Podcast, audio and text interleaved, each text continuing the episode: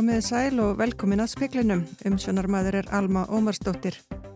Fjórir af þeim fimm sem eru í öndunavél með, og með COVID eru bólusettir. 32 eru núna á spítala með COVID og 8 á gjörgæslu. NATO heitir áframhaldandi stuðningi við stjórnvöldi í Afganistan við að finna pólitíska lausna á ástandinu í landinu. NATO heldur diplomatískri nærveru en nokkur ríki bandalagsins loka sendiráðum sínum eða fækka mjög í starfsliði þeirra. Framkvæmdastjóri samtaka atvinnulífsins hefur áhyggjur af því að langtíma atvinnuleysi skjóti rótum hér. Hann segir að það hljóti að verða rætti í aðdraðanda alþingiskostninga. Börn verða mæta í fyllt fullorðina í bólusýtningu við COVID-19. Bólusetningar 12 til 15 ára barna hófust á Austurlandi í vikunni. Og það stefnir í stjórnaskipti í Noregi eftir stórþingskostningarnar sem halda á 13. september. Eldri borgarar á landsbyðinni og ungt fólk í borgunum vilja nýja stjórn. 32 liggja inn á landsbítala með COVID-19, nýju þeirra og bólusettir. Þetta kemur fram í tölum frá farsótanemnd spítalans. Átta eru í gjörgjæslu og fjölgar um þrjámiðli daga. Fimm þeirra eru bólusettir. Af sjúklingum á gjörgjæslu eru fimm í öndunuvél, allir nema einn bólusettir.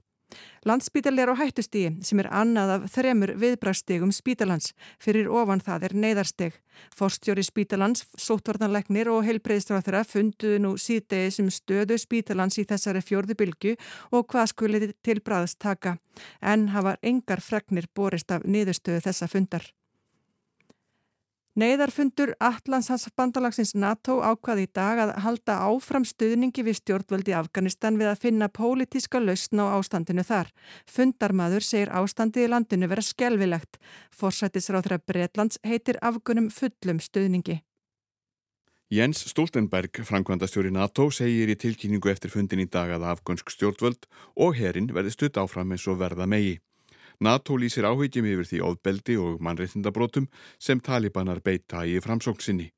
Afar mikilvægt sé að tryggja öryggi starfsliðs bandalagsins í landinu. Allra leiða verði leitað til að finna pólitíska lausnamálinu en talibönum benta á að ræniðir völdum í landinu samþykki alþjóðsamfélagið aldrei stjórn þeirra. Diplomatískri nærveru NATO verði haldið áfram í Afganistan. Boris Johnson, fórsættis á þeirra, heitir stjórnvöldum í Kabul fullum stuðningi í yfirlýsingu í dag. Brínt sé að komi veg fyrir að Afganistan verði stjól fyrir hriðiverkasamtök að nýju. Hersveitir Talibana sætja fram á mörgum vikstöðum í Afganistan og hafa herrtekið yfir þriðjung héras höfuborgana. Eitt fundarmanna á neyðarfundinum líkti ástandin í Afganistan við fall Saigon borgar undir lok Vietnamstríðsins.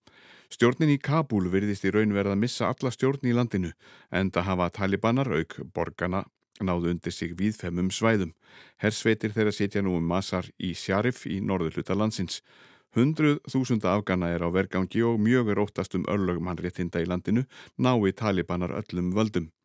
Danmörk og Noregur kalla allt starfsfólk sendir á það sína heim frá Afganistan og mjög verður fækkað í starfsliði Þíska sendiráðsins.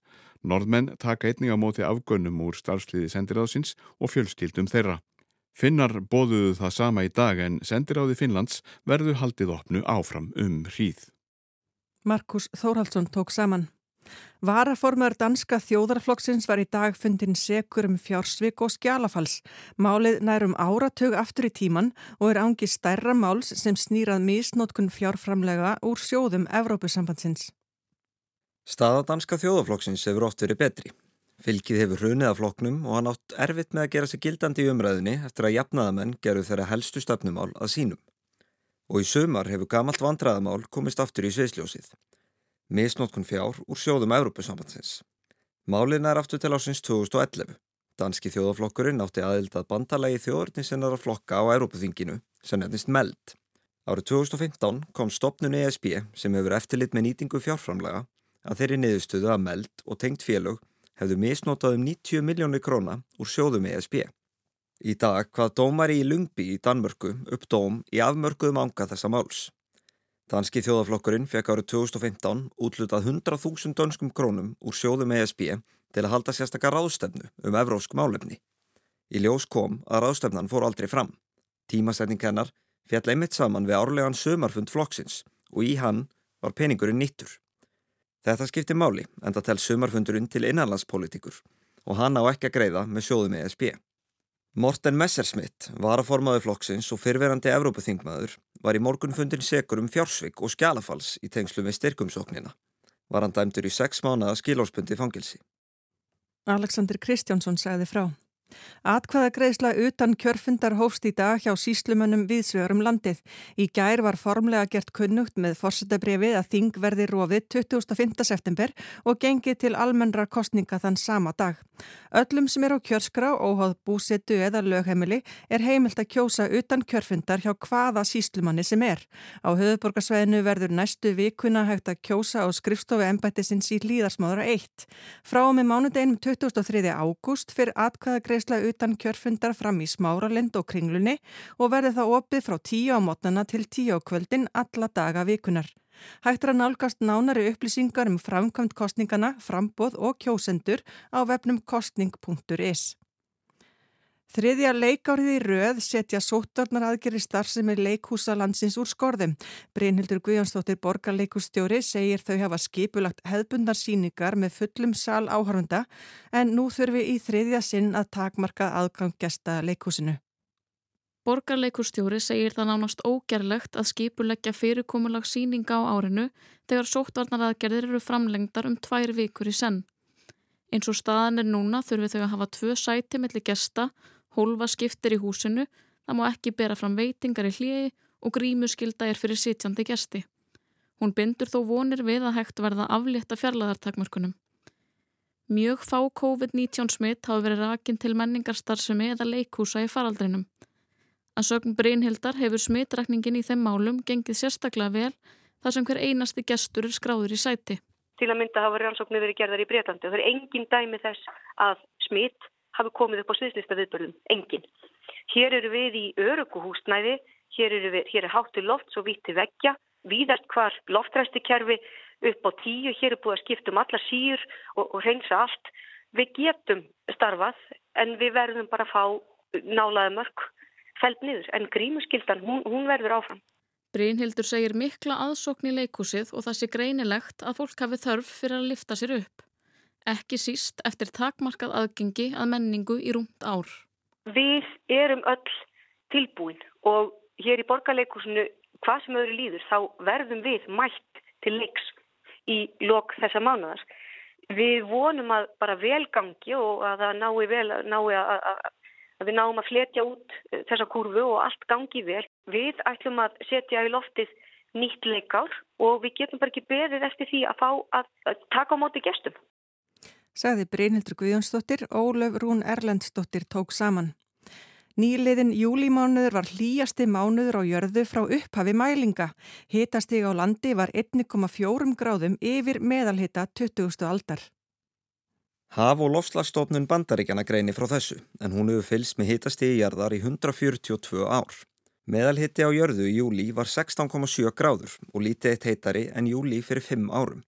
Hitti var vel yfir meðalagi í Evrópu, Norður og Suður Ameríku, Siðri hluta Asíu og Eiálfu.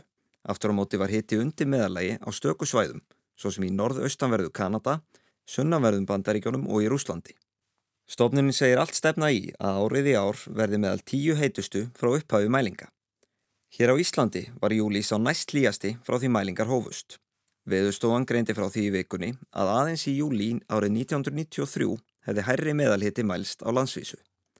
Ísbreiðan á norðurskauti mingar. Hún þekur nú tæpa 1,8 miljón ferkilometra og hefur aðeins þrísvar mælst minni í júli frá því byrjað var að fylgjast með stærð hennar árið 1981. Aðra sögu er þó að segja af söðurskautinu. Ísbreiðan þar þekur 16,4 miljónir ferkilometra en það er yfir meðalagi og hefur hún aðeins sjö sinnum mælst stærri á þessum tíma árs. Á VF stopnunarinnar bandarísku segir að söðurskautslandið sé síður viðkvæmt fyrir hitabreitingum en norðurskautið vegna þess að það er fjær landi. Sjórin tempri frekar hitabreitingar. Alexander Kristjánsson sagði frá.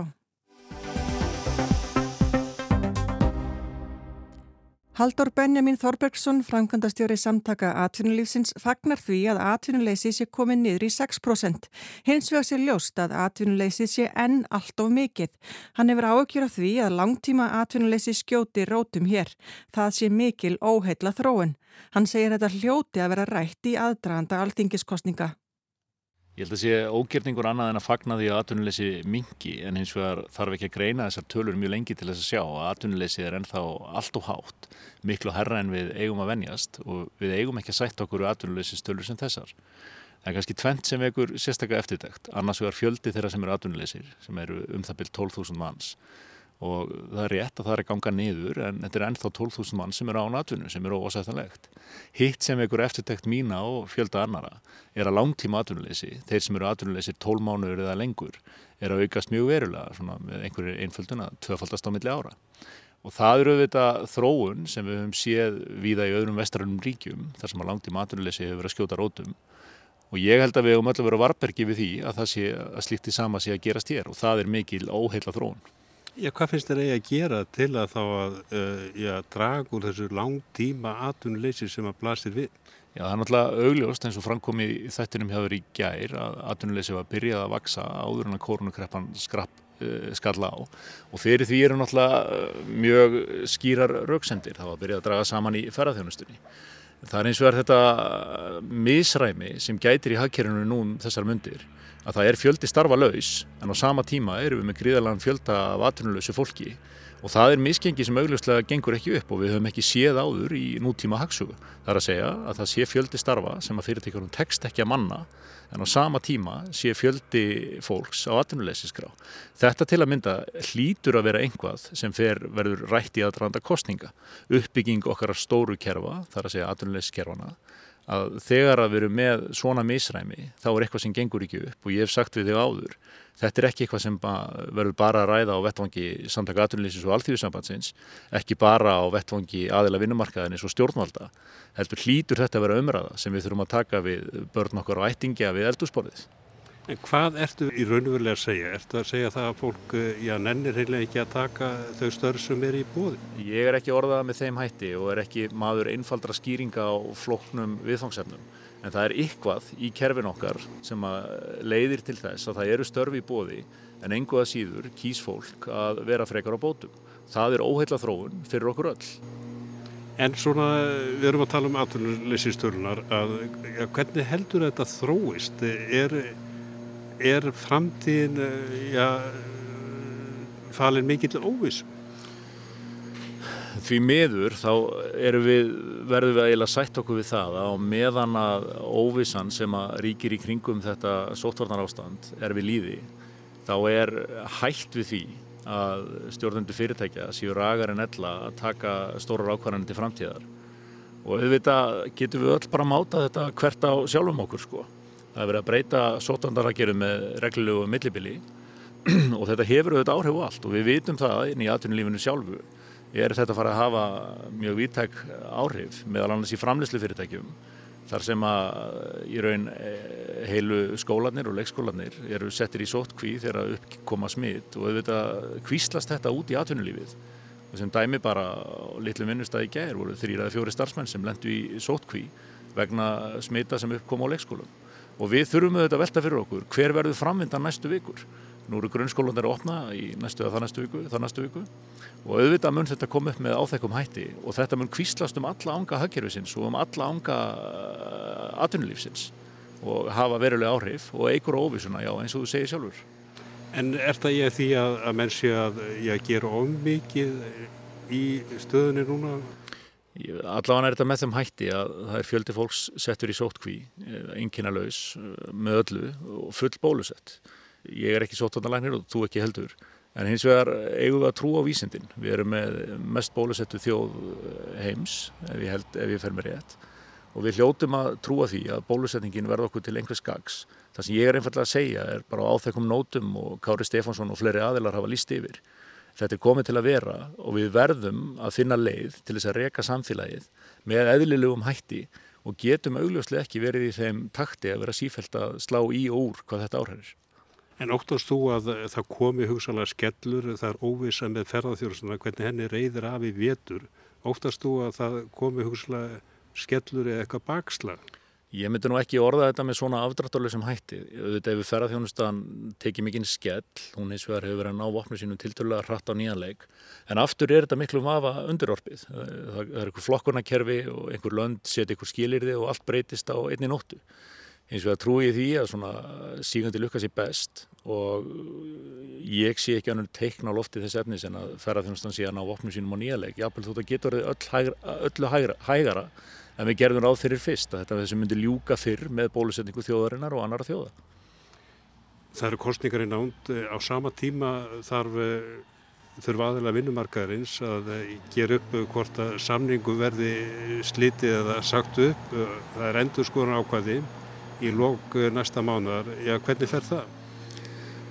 Það er eitt sem hún segir að það var skrifið inn í lífskjærasamningana endur skoðanar ákvæði þar sem að er einn fórsendur nefnd alþjóðsambatsins og samtaka aðurlýfsins hittist og fer yfir og metur fórsendur til þess að gera mjög langa sögu stutta.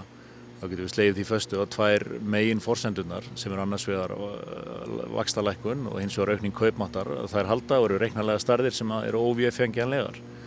Þegar að kemur að emdum stjórnvalda þá heyrði ég að fórseta aðeins í saði við í gær að það var óumdeilt að, að þær emdir hefðu ekki verið hefðu ekki verið emda fullu og hún taldi upp nokkra þætti og ég hef svo sem stýði varlega til jarðar eins og svo ofta áður og sagt að það sé korsaðalum sig að tólka með þeim hætti að tólka með sínum hætti hverjar emdir stjórnvalda hafa verið. Þetta er vinna sem fer núna á stað bara strax eftir helgi og ég vænti að niðurstað þess líki fyrir bísnafljótt Kostningabaróttan eh, það eh, já, fer ekki mikið fyrir henni en það var búist við að hún eh, fara að springa út núna næstu dögum. Það er stutt í kostningar, rúmar sex vikur. Ykkar áherslu mál sem að tengjast beinlinis pólitíkinu? Þau eru auðvitað fjöldamörg og kannski fyrst og fremst er að það að skapa enn betra rekstaröngveri fyrirtækja út úr kórunukreppinni ef við horfum að misseriða nokkur ára aftur í tíman þá er náttúrulega alveg augljóst að til þess að standa undir þessum stóru kerfum okkar þurfa fyrirtæki landsins að ná fyrir krafti og því fyrr sem það gerist því betra. Það gerum við fyrst og fremst með því að skapa fyrirtækjanum lífvænlegt og kröftugt umhverfi til vakstar og við vitum það að atvinnumál og, og og efnahagsmál eru alltaf í gegnum allar kostningar mjög ofalega á baui En að þessu sinni held ég að verði smá breyting þar á að annað mál bætist við sem verða heilbreyðismálinn sem verða mjög ofalega á baui og það er alveg ljóst að fjöldamarki laðar munu stíga inn í, inn í þá umræðu og þar með talið samtöku atvinnulífsins. Hvað, hvað viljið þið gera? Þetta er eiginlega vandamál. Já, já, ég held að við getum mörg haft skoðanar á heilbyrðiskerfun og hvert það er að fara. Ég hef verið þeirra skoðanar, við höfum að líta til ja, norrænu þjóðana í auknum mæli og velta fyrir okkur hvað eru þau að gera með þeim hætti að þeim gengur betur í heilbreyðismálum en okkur það skipilegja sín kerfi. Mitt svar er í raun bísna afdráttarlaust. Á Norðurlöndunum er ekki þessi hræðsla við enga rekstur samhliða ríkisrekstri í heilbreyðiskerfinu og ég tel að þetta verði risastór umræða í aðdraðanda kostningana og er sannfarður um það megin þorri Íslendinga er þeirra skoðunar að við viljum blandað kerfi til framtíðar þar sem að ríkið og spítalarnir, ríkispítalinn eh, er að taka til sín ja, hluta starfseminnar. Og síðan eins og við höfum öll alist uppið að fjöldi sjálfstætt starfandi lækna og læknastofa uh, víða um land taki að sér aðra ánga heilbreyðiskerfisins og við trúum því einfallega að það sé best að tala með þeim hætti að við, að, við búum í blönduðu markasækkerfi og það hlýtur að eiga við á heilbreyðisviðinu eins og öllum öðrum sviðum hagkerfisins. Það sigur á setni hluta lífskjara samningsins, það er í sjálf og sér ekki langt ákvæm til að hann rennur sitt skeið næsta haust ja, verða hugsalega uh, átök tengt honum þegar það kemur að því að endur nýja samninga. Ég held að sé allt og snemt að spá fyrir um það sko. Það sem að mun og ætti að hafa ráðandi áhrif á samtal aðalega vinnumerkaðar eins við gerum kjærasamninga hlýtur alltaf að vera þessi grundvalla spurning sko. hvernig gengur í hagkerfinu hvað er til skiptana og síðan þessi klassíska spurning sem hlýtur að koma til að álita í samningavirðaðum aðila á milli með hvað hætti eigu að skipta kökunni eh, efnaðags framvindan þanga til er auðvitað líkil breytan í þessu samhengi fyrir mér blasir við á sama tíma og það eru 12.000 manns án atvinnu og langtíma atvinnuleysi eh, hefur tvöfaldast á milli ára þá hlýtur það að vera í forgrunni kjærasamlingsviðraðana að ná fullu atvinnust í á Íslandi. Við erum alveg uppið það og hér hefur ríkt fulla atvinna stofni til undarfarna ára tíi og ég trú ekki öðru en að verkefliðsreifingin sé sammála því mati okkar að full atvinna sé nummer 1, 2 og 3 og aðrir þættir eh, séu víkjandi í því samengi. Þá er þetta að segja það að full atvinnusteg náist ekki með því að hækka launin enn meira. Ég held að við þurfum ekki að blada mikið í hagfræðibókunum til þess að komast að þeirri neðstöðinni sem ég get einfallega að tekið undir, já. Þetta var Haldur Benjamin Þorbergsson, Arnar Páll Haugsson talaði við hann.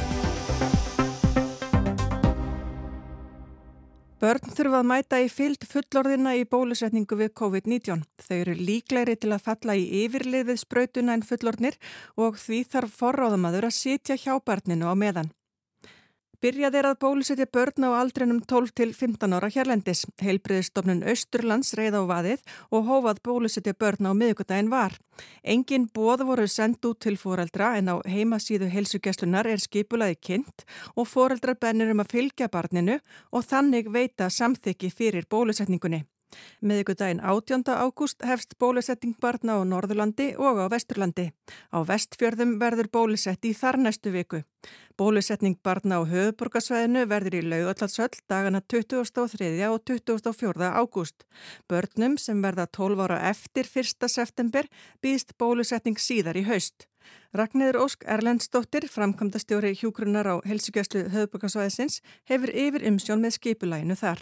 Við munum ekki senda út neinn bóð í síma hjá fólki, hvorki hjá foreldrum nýja börnum. Þannig að hér á höfuborgarsvæðinu erum við óskæftir því að fólk bara mæti eftir ákveðinu skipulagi sem er á heimasíðin okkar og verður líka sendt í gegnum mentor á alla foreldra en það fær engin streikamerki. E, og við það að foreldrar koma með sínu barni þá eru þið að gefa samfengið sitt fyrir bólusetningunni og ef að fóreldra komast ekki og, og, og skeftir að á amma eða, eða eldri sískinni sem er eldri en átjánara farið með barni að þá óskum við eftir að, að það sé skriflegt umboð með. Síðan erum við líka að laga höllina til að geta tekið á móti bæði fóreldrum og, og börnum á sem bestan hátt. Og við erum að laga höllina þannig að það verða alltaf tveir og tveir stólar saman þannig að fóreldri geti setið við hliðin á barni á meðan að bólusetningu stendur. En svo erum við líka útbúa fullt af svona litlum rýmum þannig að getum tekið á móti börnum eða börnum með kvíðin eða eitthvað slíkt og þá getum við tekið þau afsýðis. Á vef landlæknis kemur fram að börn séu líklæri en fullornir til að falla í yfirliðið bólusetningu. Því sé mikilvægt að aðstæður séu þannig að börnin geti látið fara vel um sig í að minnstakosti 15 mínútur eftir bólusetninguna og fylst sé náið með líðan þeirra. Ragnæður segir að þess vegna séu óskað að foreldrar siti hjá barni sínu allan tíman.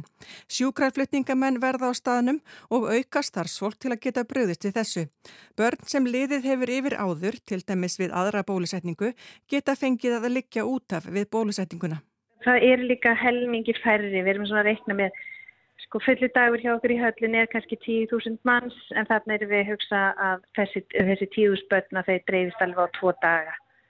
Það kom fram í máli umbúðsmanns barna í gæri að hérna ef að barn vill bólusetningu en foreldri ekki að þá sé það í raun og veru barnsins að, að valið er barnsins uh, og sótartanleikni tók undir það uh, ef að barn kemur án fyldar í lögdagsvöllina og, og vill fá bólusetningu, fær það bólusetningu? Nei, ef að barn kemur eitt í bólusetningu, við erum áskeftir í að foreldrar, að þau komi í fyllt foreldra. En þið myndu vantilega ekki bólusetta barn sem að væri því mótfallið eða hvað? Nei, og það er bara eins og hefðbundnar uh, bólusetningar í skólu. Við erum alveg bröðin að bólusetja þennan aldurshóp í skólunum og þá er þetta alltaf vikvæðin. Það er aldrei neitt pindur í bólusetningu.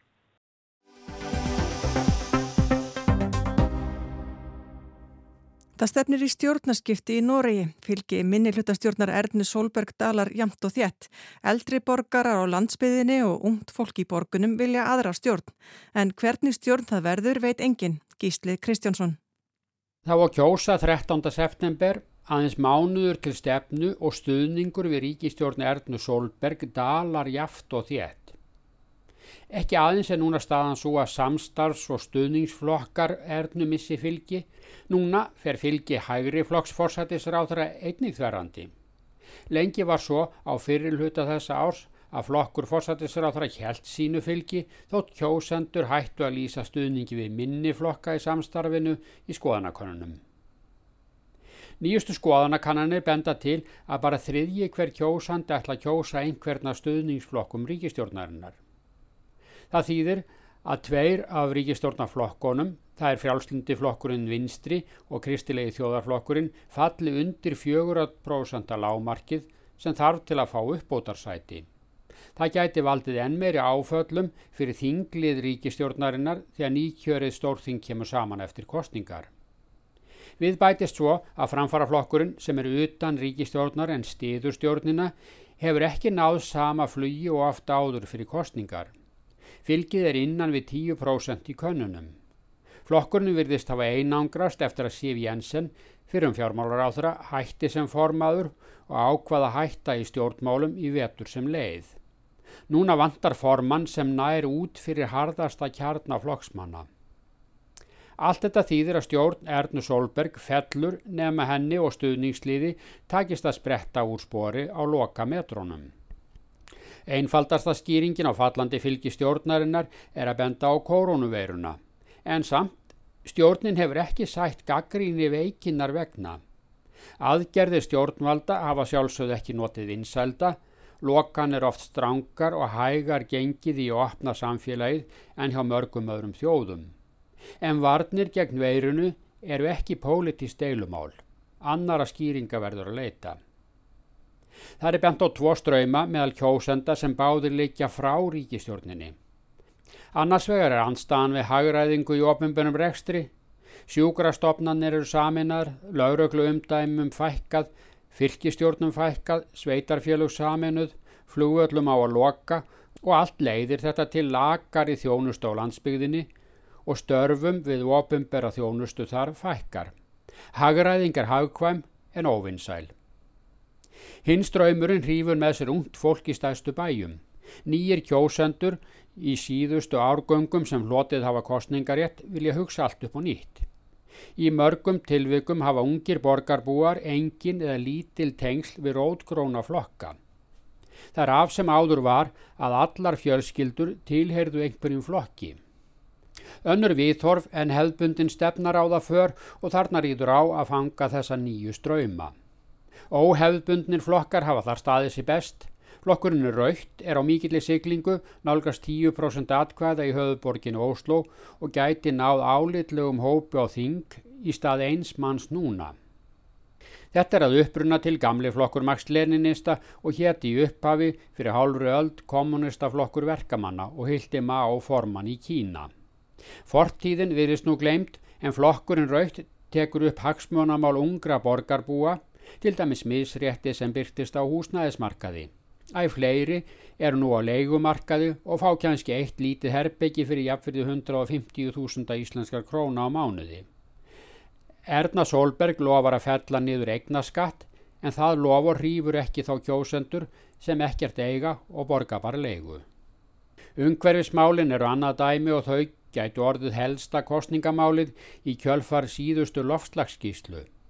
Ríkistjórnin verist ítla undirbúin og vil gróðu setja tré til að hefta koldvísýring. Það þykir ekki róttækt tillaga samanborið við bann á akstri mengandi bíla eða bann við leitað olíu.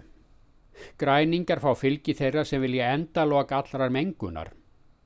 Þannig leitar fylgið frá ríkistjórninni og til flokka sem benda á önnur úræði í flestum málum. Hins vegar veit engin hvernig á að mynda nýja ríkistjórn flokka sem sækja fylgi sitt úr ólíkum áttum. Lítil samstaða er innan stjórnaranstöðu, þar eru fimm flokkar. Fyrir þessar kostningar hafa flokkarnir til vinstri ekki líst yfir vilja til að mynda stjórn saman en svo var þegar Jens Stoltenberg var fórsetisráður í meirilhutastjórn fyrir 16 árum.